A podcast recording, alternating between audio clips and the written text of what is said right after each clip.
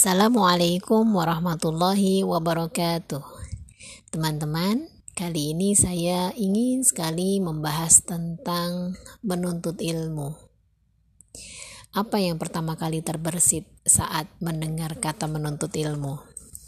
Sekolah formal, belajar dari pagi hingga siang, berkutat dengan buku-buku pelajaran, kemudian ditutup dengan ujian, dan seterusnya, dan seterusnya uh, kalau mau dihitung sudah berapa lama kita menempuh bangku pendidikan? Mulai dari SD, SMP, SMA, kuliah cukup lama ya. Banyak yang kemudian kita kerahkan selama proses itu.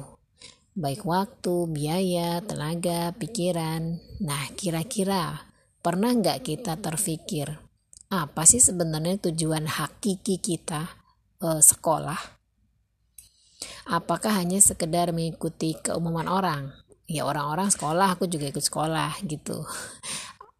Karena kalau mau diperhatikan sebenarnya polanya sama.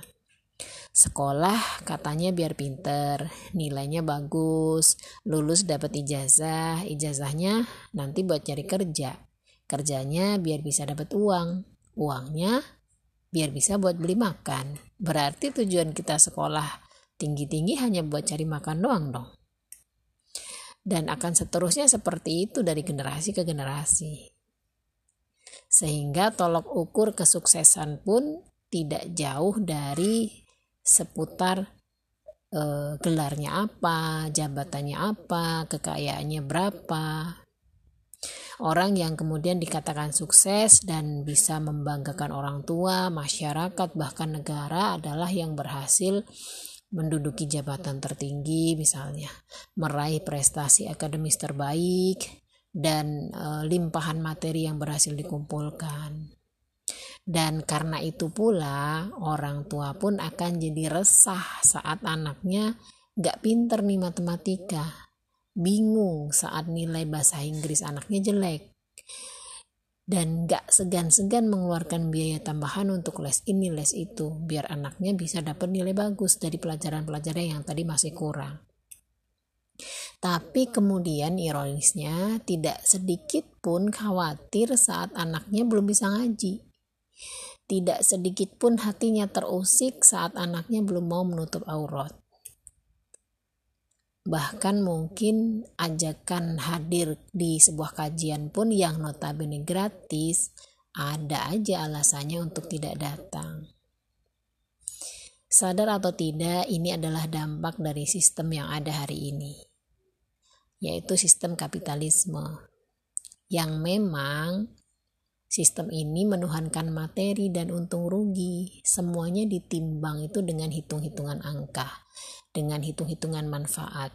Semakin besar manfaat, semakin besar keuntungan, maka itulah jalan yang diambil. Tidak ada e, berpikir apakah itu halal atau haram, itu hak atau batil, itu boleh atau tidak boleh. Yang penting untung aja. Yang penting dapat banyak aja.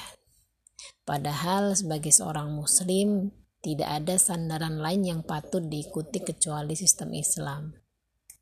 Bagaimana Allah memandang kesuksesan bertolak belakang dengan bagaimana orang-orang kapitalis memandang kesuksesan.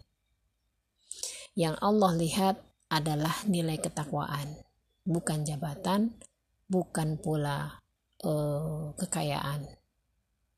Nah, bagaimana agar kita punya nilai ketakwaan? Maka tidak ada jalan lain kecuali dengan menuntut ilmu. Dalam hal ini, ilmu agama.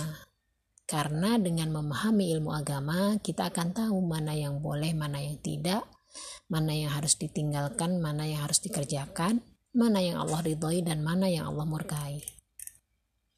Jadi adapun tujuan menuntut ilmu dalam Islam tidak lain adalah untuk membentuk kepribadian Islam, menanamkan rasa keterikatan kita dengan hukum-hukum Allah dalam setiap melakukan perbuatan. Kalau mau gini, kira-kira Allah boleh nggak ya? Kalau mau melakukan itu, kira-kira Allah ridho nggak ya?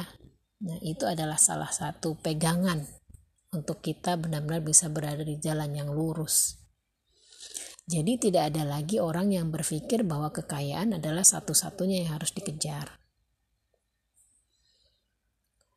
Yang sayangnya ilmu agama itu justru menjadi ilmu yang dapat porsi paling kecil di antara ilmu-ilmu yang lain. Masih butuh perjuangan panjang untuk bisa um, membangunkan kesadaran masyarakat bahwa ilmu agama adalah yang paling dasar dan paling utama. Semoga kita termasuk orang-orang yang selalu istiqomah di jalan ilmu, di jalan taat, yang dengannya akan membawa kita keluar dari kegelapan, kegelapan karena dibutakan uh, kenikmatan dunia, menuju cahaya Islam yang terang benderang di bawah keriduan Allah Subhanahu wa taala insyaallah. Wassalamualaikum warahmatullahi wabarakatuh.